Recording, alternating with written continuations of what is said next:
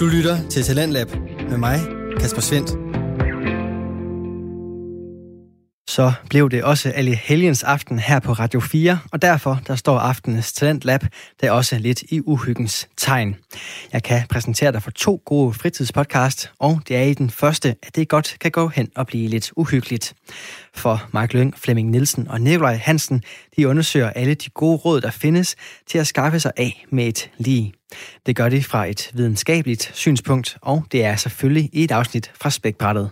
Så ja, ja, de har offret en stor mængde data, men det, det er virkelig fordi, de har kigget på det forkerte, ifølge Balemba og hendes kolleger. De har kigget på offeret, i stedet for at kigge på gerningsmanden, og sagt, at det er ikke vigtigt, hvem forbryderen er, for om forbryderen kan fanges. Men det vil de gerne gøre op med, fordi det behøver nemlig bestemt ikke at være rigtigt. Og efter du er blevet en smule skræmt af de videnskabelige artikler, som de tre unge mænd har fundet frem til, så er der heldigvis mere ro på ved Jakob Hicks, når han inviterer Jørgen Svendstrup ind til at tale omkring, hvordan medier former og skaber vores tanker på godt og ondt. Nu nævnte jeg det der med klima og forurening og miljø og plastik og krig og alt det her. Hvad er vores ansvar for det? Altså fordi, betyder det bare, at vi bare skal lade det være? Fordi det går jo faktisk ret godt når det kommer til stykket. Øh, og der synes jeg virkelig også, at et andet perspektiv, der er interessant her, det er en kæmpe forskel i dag i forhold til for 20, 30, 50 år siden, det er, at vi faktisk begynder at tage ansvar for vores verden. Normalt så står jeg her i programmet og beder dig om at lytte godt efter, for det er vigtigt, at vi som mennesker lytter til nye stemmer, fortællinger og meninger, alt sammen selvfølgelig i form af fritidspodcast. Men i aften, der behøver du måske ikke have den store notesblok fremme. Det er fordi, at den første podcast her til aften har kastet sig ud i noget så uhyggeligt som videnskaben bag det at begå et mor uden at blive fanget. Og ja, der er altså lavet videnskab omkring alt. Podcasten Spækbrættet kommer fra STU's Studenterradio Stål og består af Mark Lyng, Flemming Nielsen og Nikolaj Hansen. De præsenterer videnskabelige artikler for at gøre videnskab og forskning mere forståelig og menneskeligt, men som aftenens episode beviser, så er det ikke altid lige hyggeligt. For de videnskabelige artikler i dette afsnit er meget passende for i aften af en lidt mere skræmmende karakter, end det plejer at være i podcasten. Så læg du bare notesblokken væk og lyt til aftens afsnit fra videnskabspodcasten med et glimt i øjet, spækbrættet.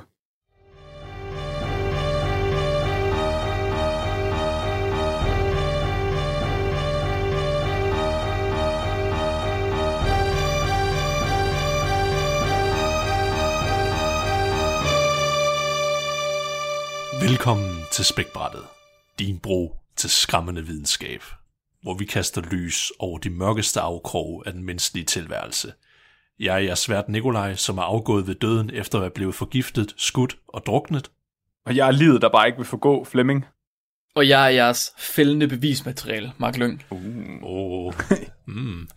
Så Dagens afsnit, det skal handle om retsmedicins videnskab, så mere specifikt videnskab, som bliver brugt til at undersøge gerningssteder og så fange forbrydere.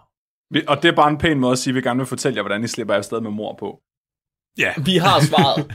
Som altid har vi svaret. Vi ved det. Videnskabeligt set. Videnskabeligt set. set. Mm-hmm.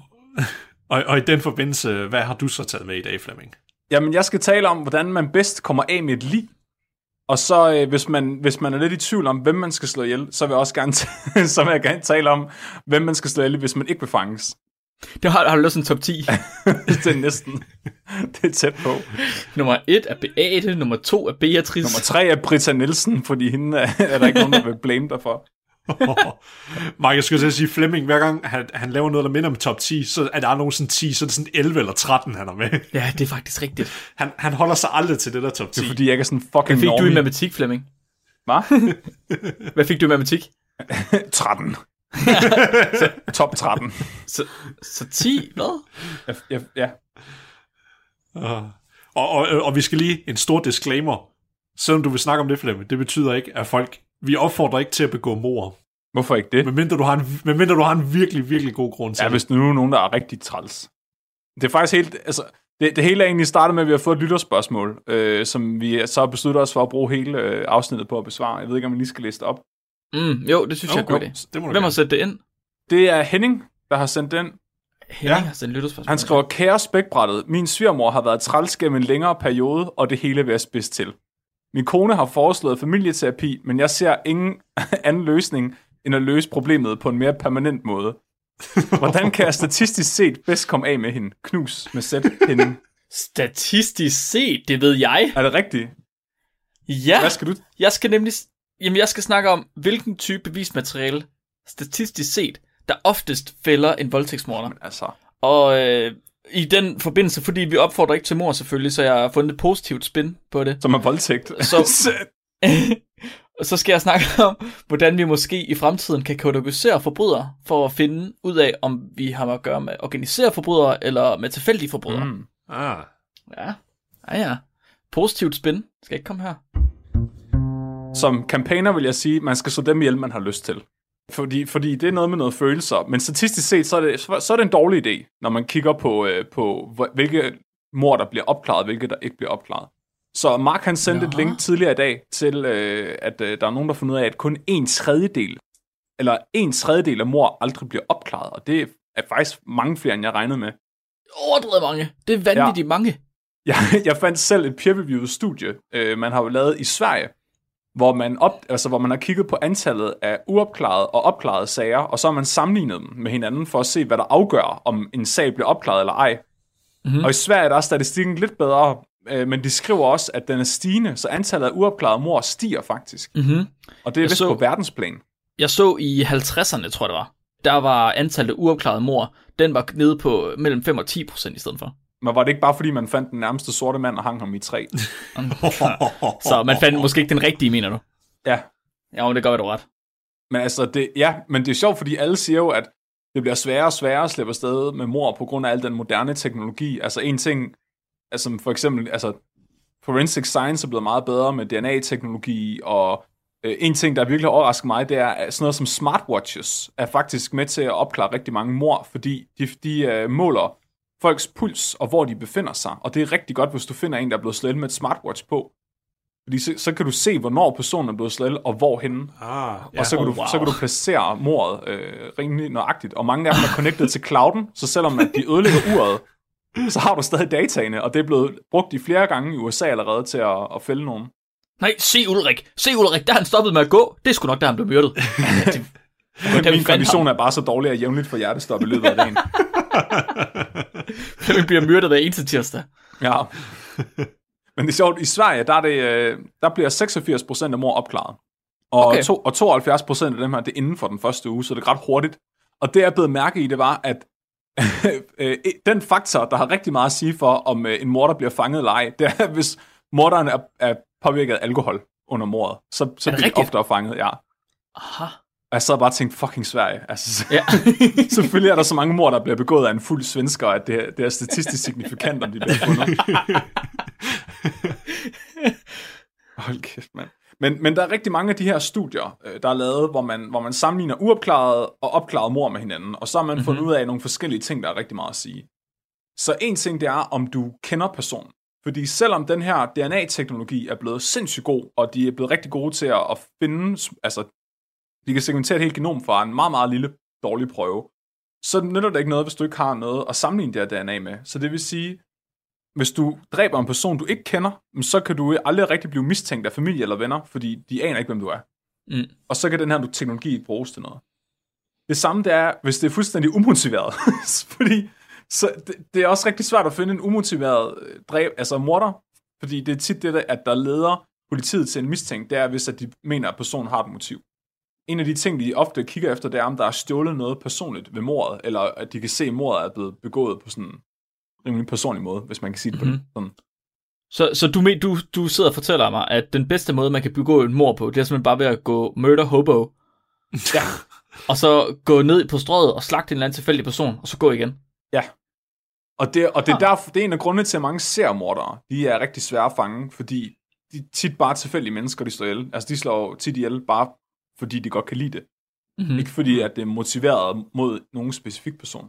Ellers så er deres motiv, det er mere trofæ.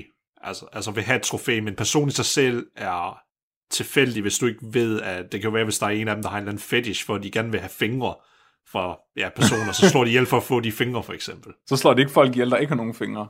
det, vi har en Er det- ledetråd. Er det den Det er lige et afsnit af perfekte- Mindhunter. Vi Ja, kalder det ved, fingermanden. Han, det er fingermanden. Han har kun dræbt folk, der har alle 10 fingre. Det er en ledetråd.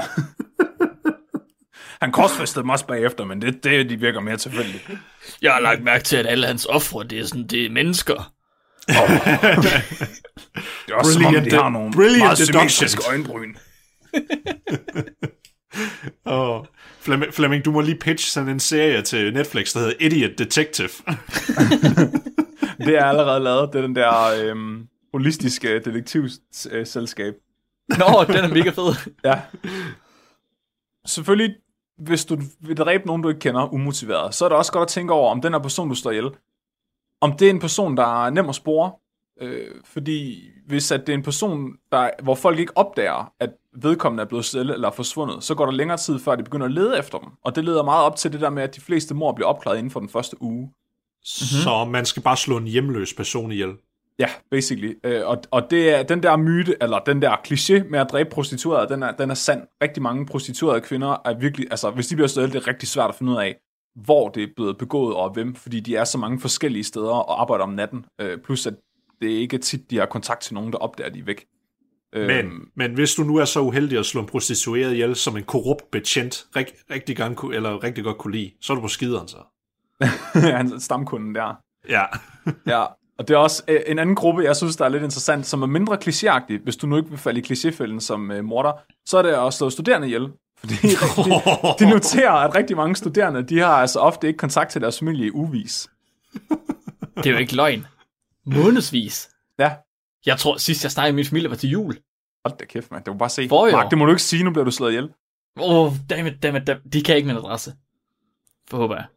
Det ved jeg ikke. Skal vi give dem? Nej, det gør vi ikke. Hvis I støtter os på partier, så får jeg Marks adresse. det samme er, øhm, hvis offeret bor langt væk fra morderen. Så hvis du er villig til lige at ofre nogle benzinpenge på at køre 40 km for at slå nogen ihjel, og så køre hjem igen, så er det også nemmere, fordi den sfære af, af, af areal, at de skal dække for at undersøge mistænkte, jo, jo større den er, jo mindre er sandsynligheden for, at du, du finder vedkommende. Altså det er ligesom at gøre høstakken større for at finde nålen. Mhm.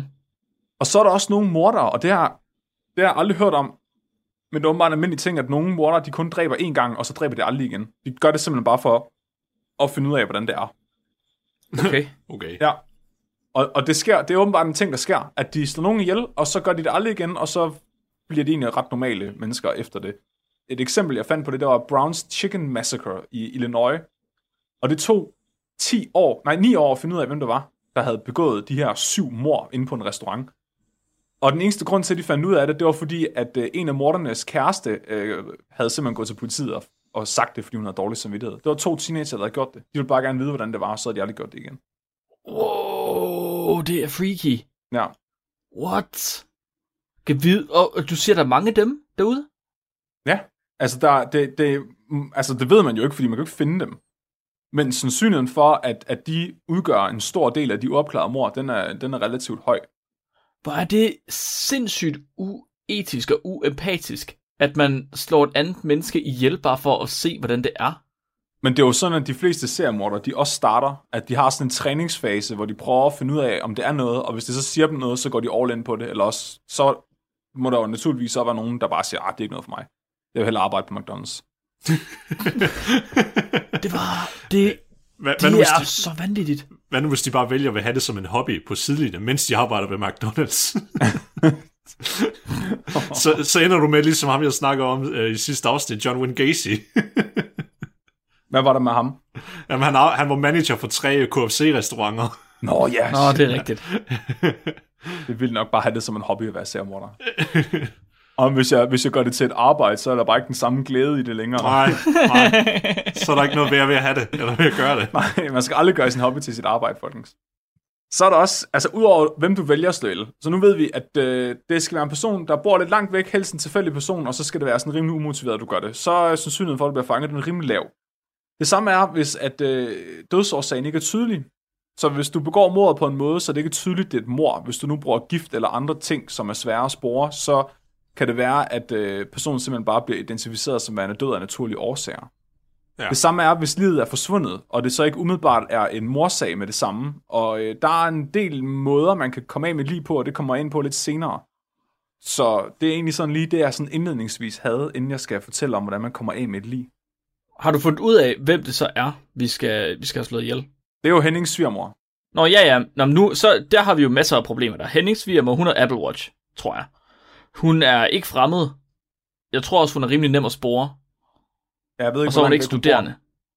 Nej, Nej, det kan selvfølgelig, der kan du selvfølgelig have noget, men det er som om, at hun tjekker lidt alle de forkerte bokse af. det tegner altså ikke særlig godt for Henning, det her. Nej. Det, det bliver svært. Jeg tror, vi er nødt til at tænke os lidt ekstra om, før vi går ind på, øh, på Hennings svigermor. Og det kan godt være, at vi skal gå all in på og, og hjælpe ham med at komme af med livet i stedet for, og måske øh, ikke, la- ikke efterlade for mange beviser på gerningsstedet, Mark. Okay, m- måske, måske jeg kan hjælpe lidt så. Jeg har fundet en artikel, som øh, forsøger at finde ud af, hvordan er det, at mordere er blevet fanget. Altså, i hvilket tilfælde er det, at mordere er blevet fanget? Hvad er det, de har gjort ved deres gerningssted, når det er, at de er blevet fanget? Og det samme, når de så ikke er blevet fanget. Så inden man går i gang med at myrde, eller når man lige har fået lavet så et bitte mor, så er der, så er der en ting, øh, der er ret vigtigt at tænke over. Det er, hvordan undgår man at blive fanget? Det, det er sgu rimelig væsentligt. Hvis man ikke vil fange, så er det rimelig væsentligt, kan man sige. Der er lige så mange forskellige måder at undslippe på, som der er forskellige kriminaliteter og kriminelle. Og studiet i dag, det forsøger at finde hoved og hale i alle de her forskellige typer, og så måske endda kategorisere, hvilke typer bevismateriale, der oftest fælder en forbryder. Så artiklen her, den er skrevet af Samantha Balemba og hendes kolleger, og øh, den er skrevet i 2013. Og her er det undersøgt typer af bevismateriale på gerningssteder fra 350 forskellige voldtægtsmord. Og så har de ud fra det data kategoriseret forbryderne på en måde, som efterforskerne så forhåbentlig i fremtiden kan bruge til nemmere at finde en gerningsperson. I artiklen der skriver de, der, find, der er allerede findes studier, som Flemming han også sagde, der findes studier, der har undersøgt, hvilke faktorer, der skal til for at løse en forbrydelse. Der er masser, der ligesom har prøvet at sammenligne opklaret forbrydelser mod uopklaret forbrydelser. Og øh, der er også nogle øh, studier, der har, været, der har været ude og prøve at se, hvilke faktorer, der skal til, for at man opklarer en forbrydelse. Men mange af de faktorer før det her studie, de havde et problem, alle sammen. Det var, at de kun kiggede på offrene. Forskellige faktorer ved offrene, ikke forskellige faktorer ved selve forbrydelserne. Og det betyder, at de studier, de kan have indikeret, at forbryderen ikke nødvendigvis skulle have noget at gøre med, om forbryderen kunne fanges. Hvis det giver mening. Så de har offret en stor mængde data. What? Hvad skete Altså, de har offret en stor mængde data. Hvorfor hørte jeg lige mit eget grin der? Det ved jeg ikke. Hørt hvad? Det var super mærkeligt. Jeg hørte lige mit eget grin der. Det var virkelig mærkeligt. Lige efter du sagde noget. Jeg kunne ikke høre noget. Okay, never mind. Lad os prøve at gå videre. Det var virkelig mærkeligt.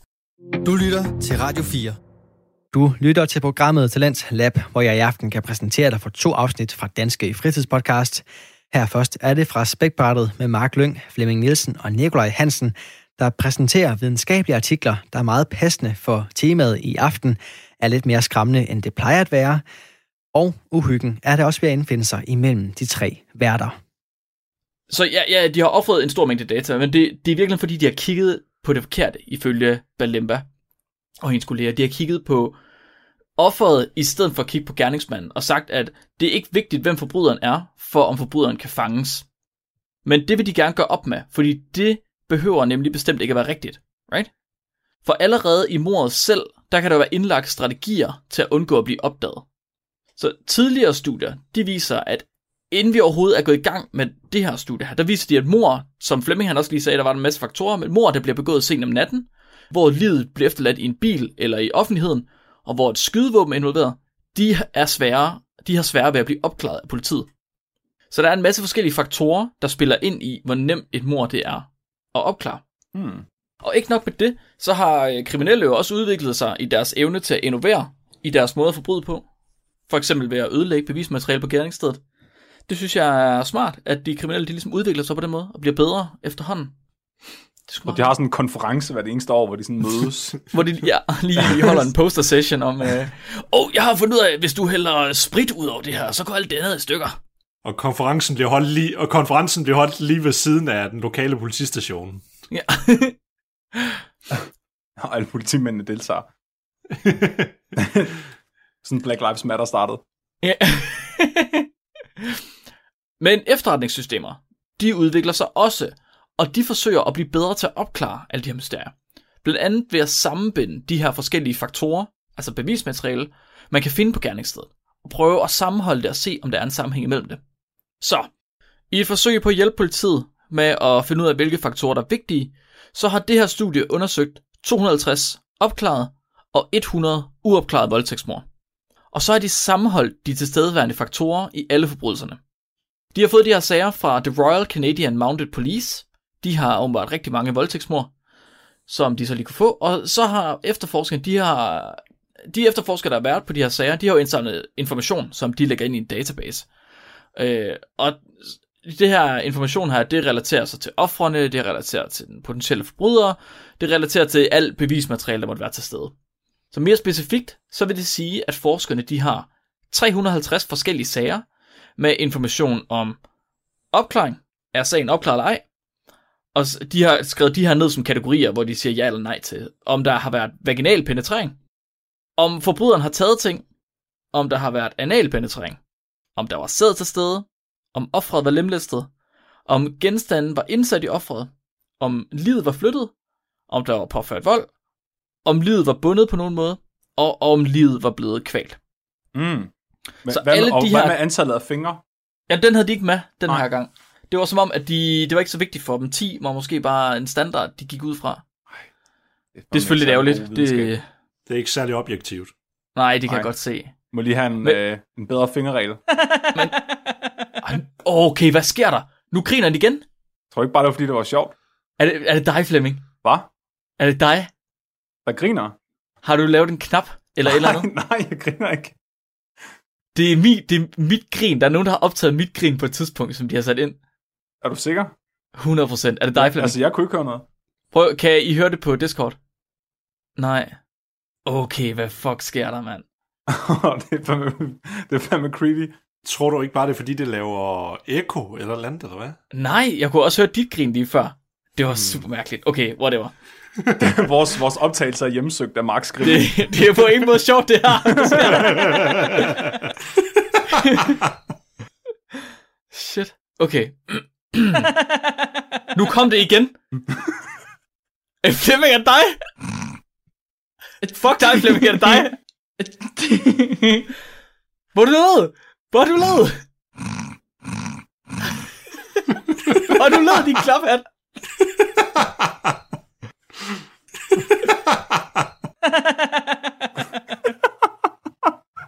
Har du aftalt den med på forhånd eller sådan noget?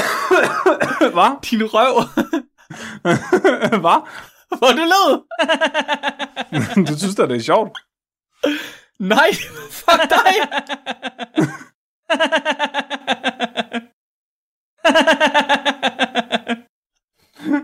Hvor er du nederen? For nu af vil mine jokes altid være sjove. Fuck, du led. Hvor du, hvor, hvorfor, hvorfor ved jeg ikke om det? hvorfor viste de, det- viste de det på Discord, eller hvad? What the fuck? Jeg har faktisk tre forskellige grader af, hvor sjovt noget er. Der er, er der er sådan noget, der er semi-sjovt, det. Noget, der er sådan okay sjovt, det. Noget, der er rigtig sjovt. Og hvis det er sjovt nok til selv Nikolaj, jeg synes, det er sjovt. What the fuck? I vil ikke vide, hvor lang tid det har taget. Jeg skulle til at sige, at det her det kommer til at blive et mareridt redigeret. Oh god. Nej, nej, det ligger, i mit, det, ligger i mit lydspor, bare roligt. Nå, mm, mm, det gør det slet ikke mere besværligt. Fucking spøgelses, spøgelsesgrin, mand. Okay. er vi klar? Må jeg køre videre nu, Flemming? Hvad? Uden at der er nogen, der griner af mig. Douchebag. Flemming, du er bandløs fra at bruge det mere. Ja. Nej! 350 forskellige sager, 250 opklaret, 100 uopklaret med informationer om alt fra vaginal penetrering til om der er stukket genstand op i offeret. Det er, hvad de her forskere de har haft. Og det de så har gjort bagefter, det er, at de har brugt informationerne til at gruppere sagerne i tre clusters, som det hedder, altså tre grupper, hvor hver gruppe repræsenterer forbrydernes adfærd. Så forskerne har altså med de her informationer om voldtægtssagerne fået et stykke software til at gruppere sagerne, og herefter så har forskerne selv navngivet de tre grupper, som er kommet, alt efter hvad de har observeret i de forskellige grupper, hvilke typer de finder. Og alle tre grupper, det er rimelig vigtigt det her, alle tre grupper består af cirka lige mange sager. Altså omkring 115 sager. Ja. Så nu kommer der, hvad er det, de tre forskellige grupper er? I den første gruppe, der har vi en forbryder, der bliver betegnet som en sløset, hensynsløs type. 83% af de sager, de bliver opklaret. Wow. Ja, 83% af de her sager. Det er relativt meget i forhold til, at vi normalt ser omkring 66%, ikke? Så det er højere end no- normalt i hvert fald. Men det er stadig 17% af sløsede voldtægtsmordere, som ikke bliver fanget. Oh ja, yeah. oh ja, yeah, yeah. okay, okay. Vi kom, vi kom, vi, det kommer vi tilbage til. I den her gruppe af sager, der ser man ofte, at offeret det er voldtaget vaginalt. Det sker i 81% af tilfældene. Og der er ofte sæd til stede på gerningsstedet. Det sker i 61% af tilfældene. Men offeret bliver sjældent lemlæstet, det bliver sjældent tævet, det får sjældent sat ting op i sig. Til gengæld så har øh, forbryderne tendens til at komme til at tage ting masser eller noget i den stil. Fuldstændig ligesom vi vil sige, at man er sløset, skråstrej hensynsløs type. Ja. Den næste gruppe, den består af det, de kalder for voldelige, skråstrej sadistiske kriminelle. Her er 80% af sagerne blevet opklaret. Og i stedet for ofte at voldtage sit offer, så vælger den kriminelle øh, at tæve eller kvæle sit offer. Mm. Det er også ofte her, man ser overkill. Og det er et Overkill. teknisk term, som de simpelthen bruger, som betyder, at man bruger øh, mere vold, end hvad er nødvendigt til at slå et, et offer ihjel. Nej, det er, ikke, det er ikke overkill, det er bare at være sikker. Double tap. For fuck's sake, Flemming. For de her voldelige kriminelle, der bliver livet oftere lemlæstet. Det sker i 41% af tilfældene. Og der bliver oftere stukket genstande op i offeret. 25% af tilfældene. Til gengæld så er der sjældent sæd på gerningsstedet. 21% af tilfældene. Ja. Så det er to grupper, der ofte bliver fanget. Relativt ofte, ikke? Øh, henholdsvis en tilfældig voldtægtsperson og en sadistisk morder. Den sidste gruppe her, den er lidt speciel. Her forekommer der kun vaginal voldtægt i 1% af sagerne. Hvad? Husk lige på, det var, øh, altså det var voldtægtsmor. Der er kun. Ja. vaginal voldtægt i 1% af sagerne. What? Der bliver meget sjældent taget ting. Der er aldrig sæd. Livet bliver ikke lemlæstet. Der bliver ikke stukket genstand op i offeret. Og der forekommer hverken tæv, betvingelser eller kvælning. What? Hvad? Hvordan gør de så? Hvordan voldtager man altså nogen ihjel uden at gøre nogen af delene? Kun 50% af de her mord, de er opklaret. Det her, det er, det er vores Hannibal Lecter. Det her, det er vores, vores seriemorder. Det her, det er de, de uhyggelige typer. 100%. Så de skriver i artiklen, at der selvfølgelig er nødt til at være sket en eller anden form for seksuel akt, for at det kan være altså et voldtægtsmord. Ja. Men hvordan de har kategoriseret den seksuelle akt, betø- behøver ikke nødvendigvis være, være øhm, hvad hedder det, vaginal penetrering, og det behøver heller ikke engang være anal penetrering. Fordi de siger faktisk, at den her gruppe her, de voldtager, basi- altså de, de penetrerer basically aldrig. Så det er aseksuelle voldtægtsmordere. I guess, de må have gjort noget andet seksuelt, som kan betegnes som seksuelt i hvert fald. Hmm. Men det er også her, hvor man ser, at de udstiller line. Oh, hvad? her bliver lidene udstillet, enten som om, at de skal hvad, hvad kan man sige, symbolisere et eller andet for dem, der finder dem, eller også så bliver de gemt pænt af vejen. Altså, der bliver virkelig gjort noget for, der bliver virkelig gjort noget for at få ryddet op på de her gerningssteder. så en voldtægtsmorder, der ikke voldtager vaginalt, ikke efterlader sæd, ikke tæver, ikke binder sit offer, ikke stjæler genstanden, har en 50-50 sandsynlighed for at blive fanget. 50-50. 50-50. I forhold til de to andre, der har 80-80. Det er vildt. Altså, der har 80% begge to. Det er fuldstændig vanvittigt. Så svaret er, hva- hvad skal, hvad skal du gøre for ikke at blive fanget? Hvis du virkelig, hvis du planlægger dit mor, hvis du ved, hvad du vil med det, hvis du ikke voldtager, hvis du ikke lader sæd blive, hvis du ikke tæver folk, hvis du ikke gør noget af det, som dem i den sadistiske gruppe nok vil kalde for sjovt, så er der, 50, så er der 50% sandsynlighed for, at du ikke bliver fanget. Åh, oh, det er vildt. Fuldstændig sindssygt, men alligevel, som du siger, Flemming, der er 17% af de der øh, sager fra den sløsede type, der ikke er blevet fanget. Men tror du så ikke, at det er fordi, de sløsede, de oftere slår nogen ihjel, de kender? Og de der Hannibal Lecter-typer, de slår nogen ihjel, der er bare tilfældige? Muligvis. Det kunne man godt forestille sig. Det har de ikke, øh, det har de ikke taget med i deres diskussion, nødvendigvis. Det er ikke en fakta, de har taget med i, i gerningsstedet. Nej. Så det, de vil bruge det her til, det er ligesom, at efterforskeren skal kunne gå ind på et gerningssted med det samme, uden at vide noget som helst. Mm. Og så kunne tjekke de her bokser af og sige, ah, hvad for en type morder har vi fat i? Men ja, det vil give mening, at de sløsede, at det var nogen, der slog nogen ihjel, som de allerede kendte i forvejen, og at Hannibal Lecter-typerne ikke gjorde. Ja. Det, det, jo, helt sikkert. de har faktisk også lavet en anden clustering-model, jeg ved ikke, hvad man skal det, hvor de sætter det op, så øh, de kigger på kun de uopklarede sager. Og her har de så en fordeling, der hedder 60-40, hvor 60% af dem, det er så de her, i den sidste gruppe, som de har kaldt for ret, retsmedicinske lærte, altså nogen, der ved noget om retsmedicin. Og så har de 40% i den gruppe, som de kalder for heldige, som har begået mord, der i virkeligheden skulle blive opklaret, men af en eller anden grund ikke er blevet opklaret. Okay. Dårlig politiarbejde. Og de, de har ikke rigtig nogen god grund til det tilbage i 2013, da det her studie kom ud, udover at det, men nogle gange kan man bare være uheldig. Det er vildt, øh, for eksempel hende der Madeline, kan du huske, da hun forsvandt? Ja, Man har vist lige fundet hendes morter. er det rigtigt? Ja, og Var det, det var, ikke i 2005 eller sådan noget, hun forsvandt? jo, det var en tysk øh, pædofil mand, der allerede havde øh, voldtaget en gammel kvinde og øh, var flygtet fra Tyskland, som boede en kilometer væk fra hotellet.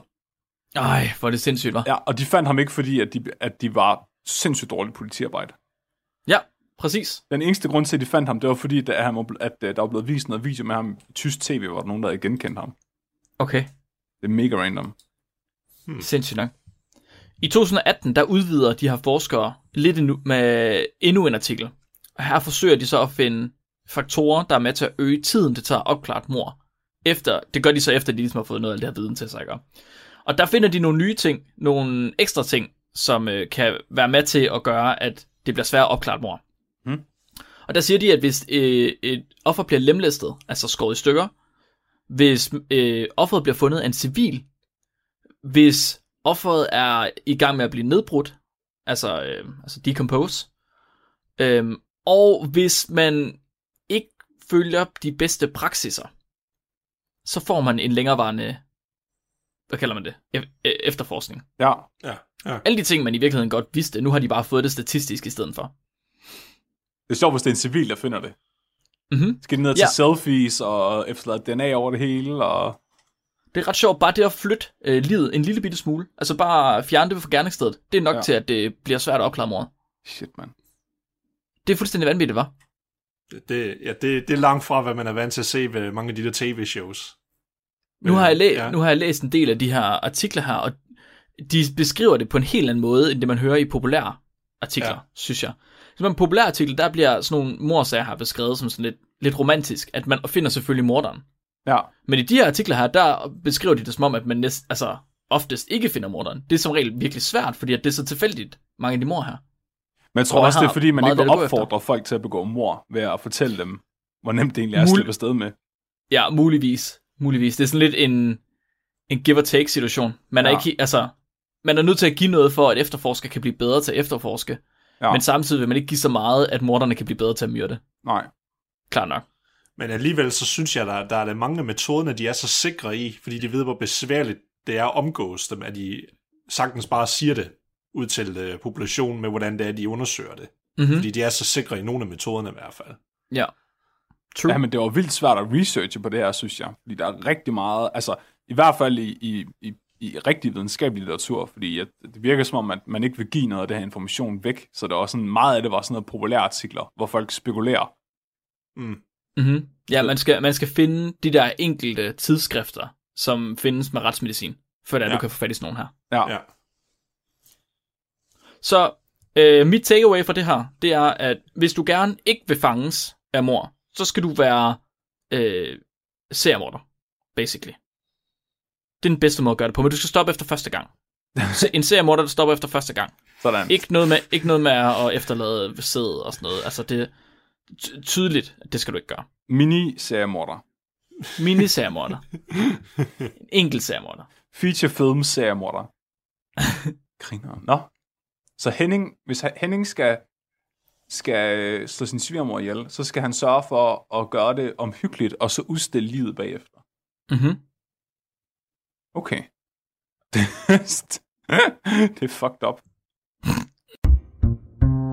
Så når Henning, han så er lykkedes i at slå sin svigermor ihjel på en uh, ikke overkill måde, men på en uh, lige præcis tilstrækkelig måde, øh, Yes. ja, så, så skal han helst af med livet. Fordi det er jo en af de ting, der er ret afgørende for, om, om en morsag bliver altså opklaret. Som du også siger, Mark. Bare det, at en civil finder livet, er nok til at gøre det sværere at opklare. Men hvis du mm-hmm. slet ikke har noget lige, altså held og lykke. Så jeg, har, jeg øh, er gået i Google Incognito mode, og så har jeg været- siddet og, og søgt på how to get rid of a corpse. Og, Jeg tror, øh, du I finder du dig er, Flemming, selvom du er incognito, så tror jeg stadigvæk, du er på en eller anden watchlist. Ja, det tror jeg også. Men, men det er jo godt, fordi nu har jeg et alibi for, at jeg har søgt på det, fordi jeg skulle, gøre, jeg skulle bruge det til min podcast. Så er der ikke nogen, der ved, at jeg har gjort det af andre årsager også. Kan mor der ikke lave podcast? Shh, Mark, nej, det kan de Nå, ikke. Nej, Især det kan de ikke. comedy videnskabspodcast, mm, det går ikke. Det kan jeg godt se. Og jeg, jeg kommet frem til, at det er ret svært at, at finde nogen sådan rimelig metodisk måde at komme af med et lige på. I hvert fald en, som, som vil modarbejde øh, retsmedicinsk arbejde. Og det tænker jeg, det er der nogle ret gode grunde til, at man ikke kan finde på internettet. Men jeg har alligevel fået nogle gode bud. Mm-hmm. Så jeg, jeg har taget nogle af de sådan lidt mere klassiske metoder, dem at man ser i film og serier, og så havde jeg tænkt mig at diskutere dem. Ja. Så den første, det er mafia-metoden. Hvad, for, hvad tror I, den går ud på? Det er cement, cement øh, fødder. Ja, Ja. He's, he's, he's sleeping with the fishes. Yes, lige præcis. Og give dem cementsko på, og så øh, smide dem i havnen. Det er der nogen, der har prøvet i virkeligheden, det her. Der var nogen af The Crips gang i USA, som, som havde prøvet at komme af med et lige på den her måde. Og det viser sig, at der er luft nok i cement til, at det kan flyde langs øh, havbunden. What? Nej. Nej. Nej.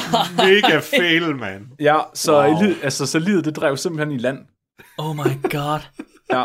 Ej, jeg forestiller mig lige de der bandemedlemmer, de har gjort bare det mindste smule research, ikke? Men så har de bare været skæve på heroin eller noget andet, og så har de fucket op. Og lidt ligesom Peter Madsen, ikke? Ja, ja, Han totalt. kan også sætte mig op, hvad han kunne, men det virker ikke. Især ikke, når livet begynder at blive nedbrudt, og bakterierne begynder at, at spise dig og lukke alt muligt gas ud og sådan noget. Så, øh, Det er sådan, når man, når man, når man, kommer, når man tænker 10% af vejen. Men de sidste 90% bare også er ret vigtige. Ja. ja, ja. Så, så den, den kan jeg ikke anbefale.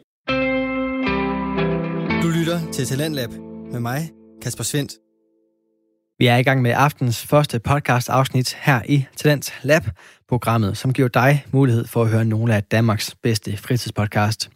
Det er alle sammen podcast, som deler nye stemmer, fortællinger og måske endda nye holdninger, og alt sammen noget, som du kan dykke videre ned i på egen hånd. Det er fordi, at alle podcasts, som vi præsenterer her i programmet, dem kan du finde yderligere afsnit fra inde på diverse platforme, og du kan for den sags skyld også finde andre udgaver af Talent Lab, og dem kan du selvfølgelig finde i vores Radio 4-app eller på radio4.dk. Nu, der skal vi tilbage til aftens episode fra Spækbrættet med Mark Lyng, Flemming Nielsen og Nikolaj Hansen. Og selvom de deler ny viden, så behøver du altså ikke notere alt for godt, for den står på forskning om uopklaret mor og eksempler på det. Jeg ved ikke, er der nogen af jer, der har set Snatch-filmen? Nej. Nej. Fuck, jeg har heller ikke set den. Nå, det var en god film. Ja, øh, der er en øh, metode, der bliver diskuteret i Snatch-filmen, hvor at de siger, at den bedste måde at komme af med et liv på, det er at fodre livet til grise.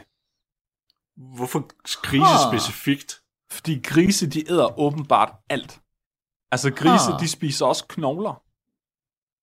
Og jeg har været inde og sådan se, altså er der noget om det her? Vil, et, vil en, en gris kunne spise et helt lig? Og det, øh, det virker til, at det kan det godt, men den skal nok have nogle måneder til at gøre det. Fordi så meget spiser en gris altså heller ikke. Men hvis du nu Nå. Har mange grise, Ja, ja, ja, ja, ja. hvis du har en hel svinestal, så er det noget andet. Der var en øh, amerikansk farmer i Oregon, som var gået ud om aftenen, Terry Garner, for at fodre sin grise, give dem noget aftensmad. Men hans øh, familie blev lidt øh, bekymret, da han ikke kom ind igen. Så de tænkte, de ville gå ud og lede efter ham. Og øh, der fandt de simpelthen hans gebis inde i øh, svinestien. Nej. Shit, man. Hvor lang Og- tid efter var det? Det var nogle få timer efter. Og de fandt, What? ja, de fandt også nogle af hans kropsdele. Men det er altså kun efter få timer, det her. Oh my Wow. fucking god, mand. Det er jo fuldstændig, det er jo ligesom myrer. Ja. Oh, what? Store, fede, velsmagende myrer. Jeg, Ja. jeg, tæ- jeg tænker mere, jeg er mere, jeg er mere, um, det er mere skrækindjagende at tænke på, hvis de grise, de får sådan lyst eller sådan smag for menneskekød, tænker jeg. Ja, ja, åh gud, ligesom rotter, ikke? Ja. Der får smag for andre rotter. Jeg håber, at det er blevet til en rigtig god flæskesteg, og der er nogen, der har siddet og spist den juleaften, og så, øh, og så, er, det, så er det overstået. Oh, what? Er det kannibalisme, hvis man spiser en gris, der har spist et menneske? ja, lidt er det vel. Altså, så er de jo lavet ud af, af ham, på en eller anden måde. Noget af, af, noget af dem i hvert fald. Det, man har prøvet at finde ud af, hvad der skete, øh, og man mener enten, at han har fået et hjertestop og væltet, eller at han bare er væltet. Og at det, han er væltet, har været nok til, at grisene kunne øh, overfuse ham og æde ham levende. What the fuck? Hvorfor har de gjort det? Fordi de kunne. Altså grise, de Jamen- æder jo alt, de kan få ind i munden. Jamen, det er stadig. Det er bare vildt, fordi altså, familien kommenterede også og sagde, at en af grisene havde tidligere været aggressiv over for ham. I skal også, også tænke på, at nogle af de her grise, de vejer altså på den gode side af 350 kilo. Måske var det hævn. Måske var det, måske var det svinehævn. Kæft, mand. Oh, Flugten fra svin. svinestallen. Ja, svinehævn. Ej, det er sygt. Men det, det, er- der er nogen, der har prøvet at regne på det også. Øh, hvor mange grise, der skal til at æde et menneske. Og øh, hvis man virkelig gerne vil være effektiv, så skal man sørge for at bruge lakterende søer, altså søer, som øh, producerer mælk. Fordi de spiser mere end nogle andre grise. De spiser mere end et vildsvin. Wow. Sådan en lakterende so kan æde 5-6 kilo foder på én gang. Altså i et måltid. Så det vil sige, at hvis du har en almindelig størrelse mand, så skal du bruge et sted mellem 10 og 15 lakterende søer til at æde en mand på nogle få timer. Oh god, okay. prøv, I må ikke skrive noget som helst ned, lytter. Det er, det er aldrig, ikke, det er ingen noter. Og Jeg, jeg skulle til at sige, det er faktisk, det er faktisk ikke så mange egentlig. Jeg forventede mere. nej, det, der er ikke, det er ikke særlig mange. Og, og, kost- og, og en ting, man skal tage højde for, det er jo også, at deres, altså grisenes DNA vil jo, vil jo sløre gerningsstedet. Altså så sandsynligheden for, at, Ja, du får, ja, ja. at du får en brugbar DNA-prøve ud af den svinesti, den er meget, meget lav. Og det, var, det leder lidt til det, der jeg sagde med Madeline-sagen. Fordi det, der gik galt der, det var, at øh, politihundene, de fik lov til at komme ind før retsmedicinerne. Ah, Så selvom ja, man tog 600 DNA-prøver fra gerningsstedet, så var stort set alle sammen fra politihundene. Ah, men uh, gerningsmanden, Ej, wow. det, gerningsmanden, det var en hund. Ja, det var, det var Scooby-Doo, der gjorde det. ja, så Nej, er nu der, er du lige nødt til at vente. Nu er du lige at vente. Jeg skal finde ud af, hvad en gris den koster. altså en levende gris. Dansk, dansk landrasegrise. 650 kroner. For en slagtet gris, eller hvad? Eller for en oh, gris. smågrise til 380 kroner. Så skal du bare vente til de bliver øh, gamle nok, til de kan øh, laktere. Men altså, er Så det så ikke det er kun 4.000 kroner for at æde en mand. Men Mark, er det så ikke også lidt inkriminerende, hvis de kommer ud til dig, og de ser, at du har 14 grise gående, og du ikke har nogen god forklaring? De ved sgu da ikke, hvad jeg skal bruge dem til. det inde i din lejlighed i Lyngby, du er sådan, ja, der står godt nok, man må husdyr, men 14 lakterende søer, det... Øh... Altså prøv at, Flemming, det er det, der hedder grøn om, omstilling, ikke? Ja, altså. ja, åh oh, ja, det er sådan, du skal pitche til Mark. Prøv at høre, det er økosvin. Vi har Mark, fået stor, stor, storbysvin. Hold kæft. Jeg glæder mig til, at der kommer klager fra dine naboer, klager over støj fra 14 svin, der render rundt. Det er din lige meget, så kaster jeg bare de der 14 svin ned til dem, så kan de æde dem. Åh, oh, ja. Prøv, du misforstår slet hvad du, de skal æde de der naboer, der er træls. Jamen, ja, når de først har fået smag for menneskekød, hvis de så ikke gider at skrue ned for musikken klokken 10 om aftenen, så... Øh, Så er det bare at kaste dem ud over altanen. ja, det, det er en vild nabokrig. ej, det er sygt. Du kan også træne grise ligesom en hund, altså så de kommer, når du kalder og alt muligt. Altså, du kan bare have sådan en, Mm. en hær af grise, der følger dig, og så kan du bare sige, pust dem. Okay, nu, nu begynder det for bagsen at lyde meget som efterfølgeren til den første Silence of the, eller til Silence of the Lambs med Hannibal Lecter. Fordi i efterfølgeren, der er der en person, hvor han også har sådan nogle mordergrise, han putter, pusser efter Hannibal Lecter. Er det rigtigt?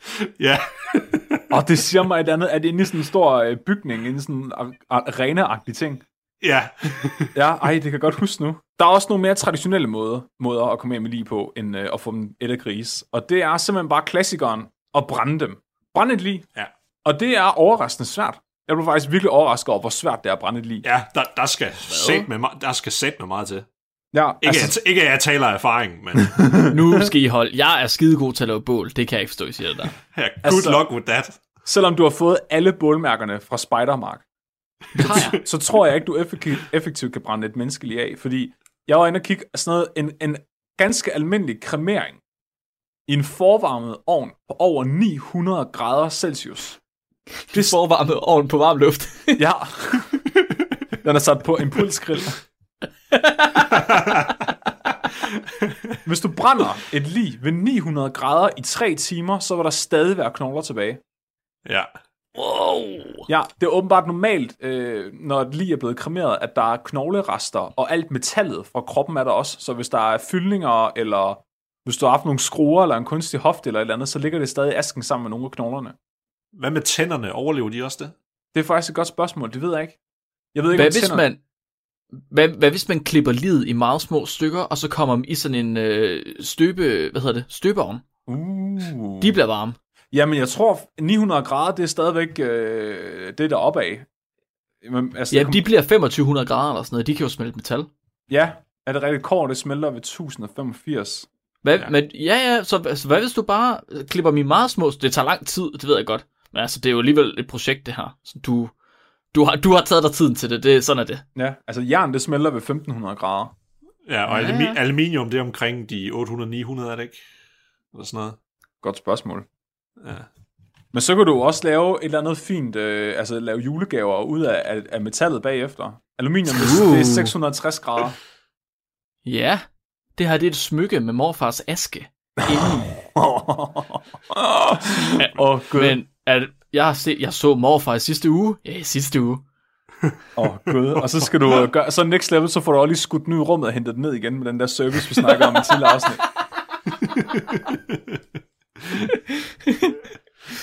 så kan man virkelig ikke lide sin morfar. Nej. Jamen, Hvis det, er så besvær, hvis det er så besværligt, så får man, tror, du- får du så mere en værdsættelse for nazisterne, så eller hvad, Flemming? I, hvor, I, I, I, hvor svært det var for dem at komme af med line. Ja, ej, det er selvfølgelig rigtigt. Det har været noget af et administrativt problem, det kan jeg godt se. Ja, det skulle være nogle hæftige ovne. Ja, det var i virkeligheden derfor, de tog alle smykkerne og, og fyldningerne, når de kom. Det var ikke, fordi de var lavet af guld og sådan noget. Men det er vildt, altså selv efter kremeringen, så tager man knoglerne, altså man fjerner metallet, men så tager man knoglerne, og så har man en speciel maskine, der knuser knoglerne til støv, inden at, du, at folk får asken.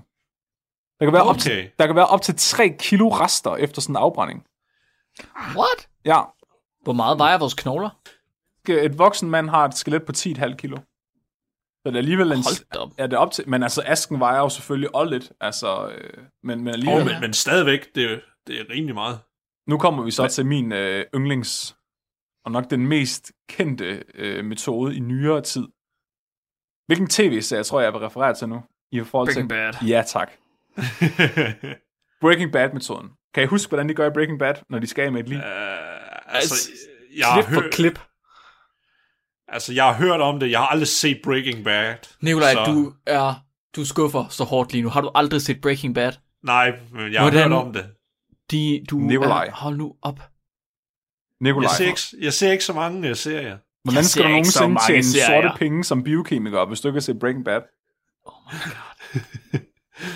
Fordi jeg tror allerede, fordi mange af de ting, dem vidste jeg godt i forvejen, så jeg tror ikke, jeg behøver at se det for at finde ud af det. Wow. Du er så hardcore, Nikolaj. Du er så hardcore. Det er vanvittigt. Og så griner han bare det Men der... hvis du godt vidste det i det forvejen, så fortæl os, grin. hvad de gjorde. Okay, så de, jeg, jeg går ud, af hvad jeg har hørt om det, så er det, de bruger en eller anden højkoncentreret syrebad, de putter det i. Ja, det er rigtigt. Det er lige det, Og de jeg kan gør. ikke huske, om det, om det er øh, hydrofluoric acid, så HF-syre. Nej, det jeg det, de tror, bruger.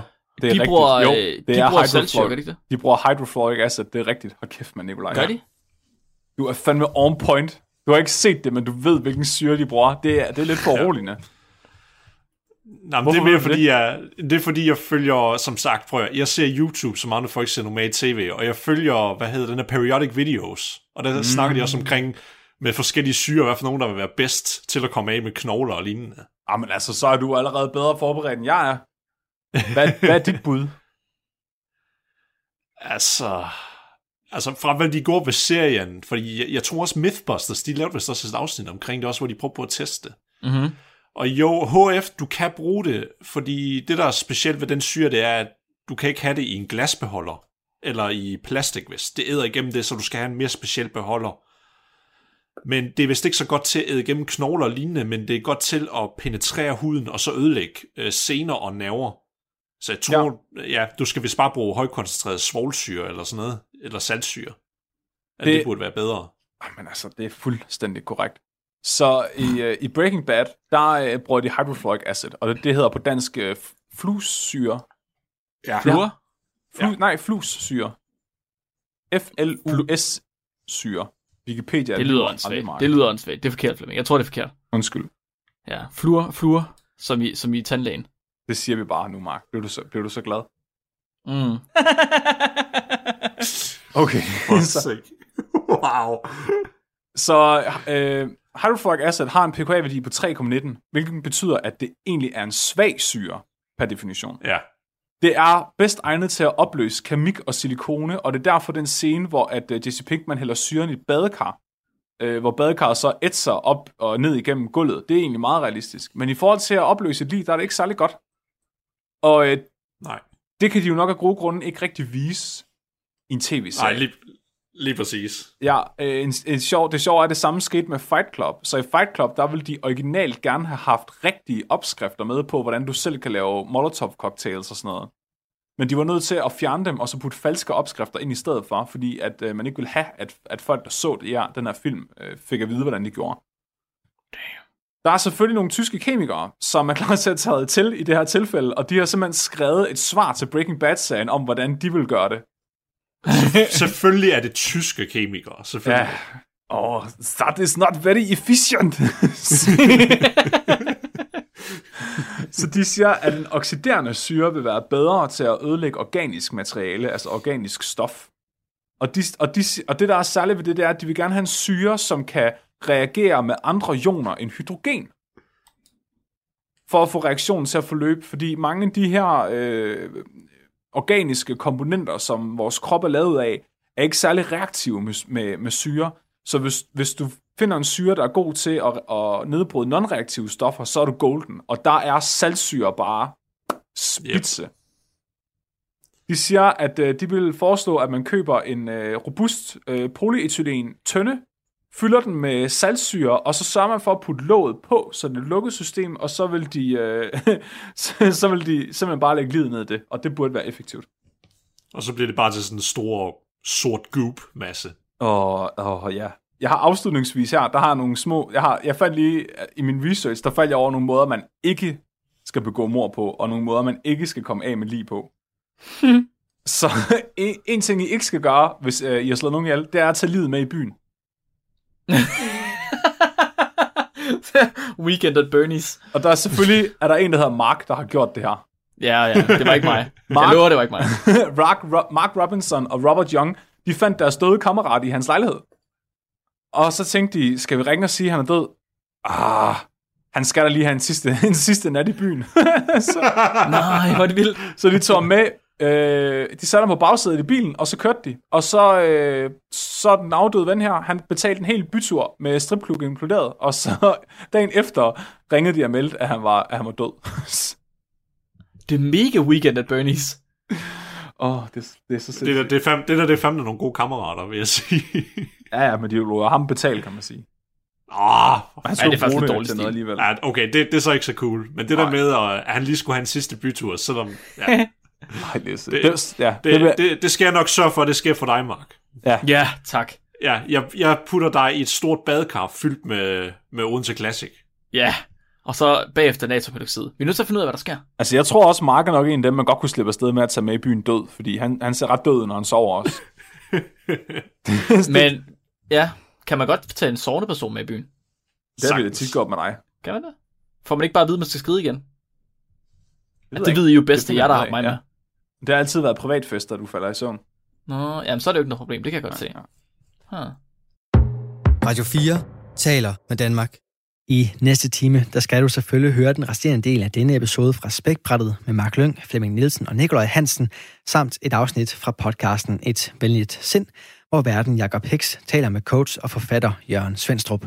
Men først, der får du her dagens sidste nyheder.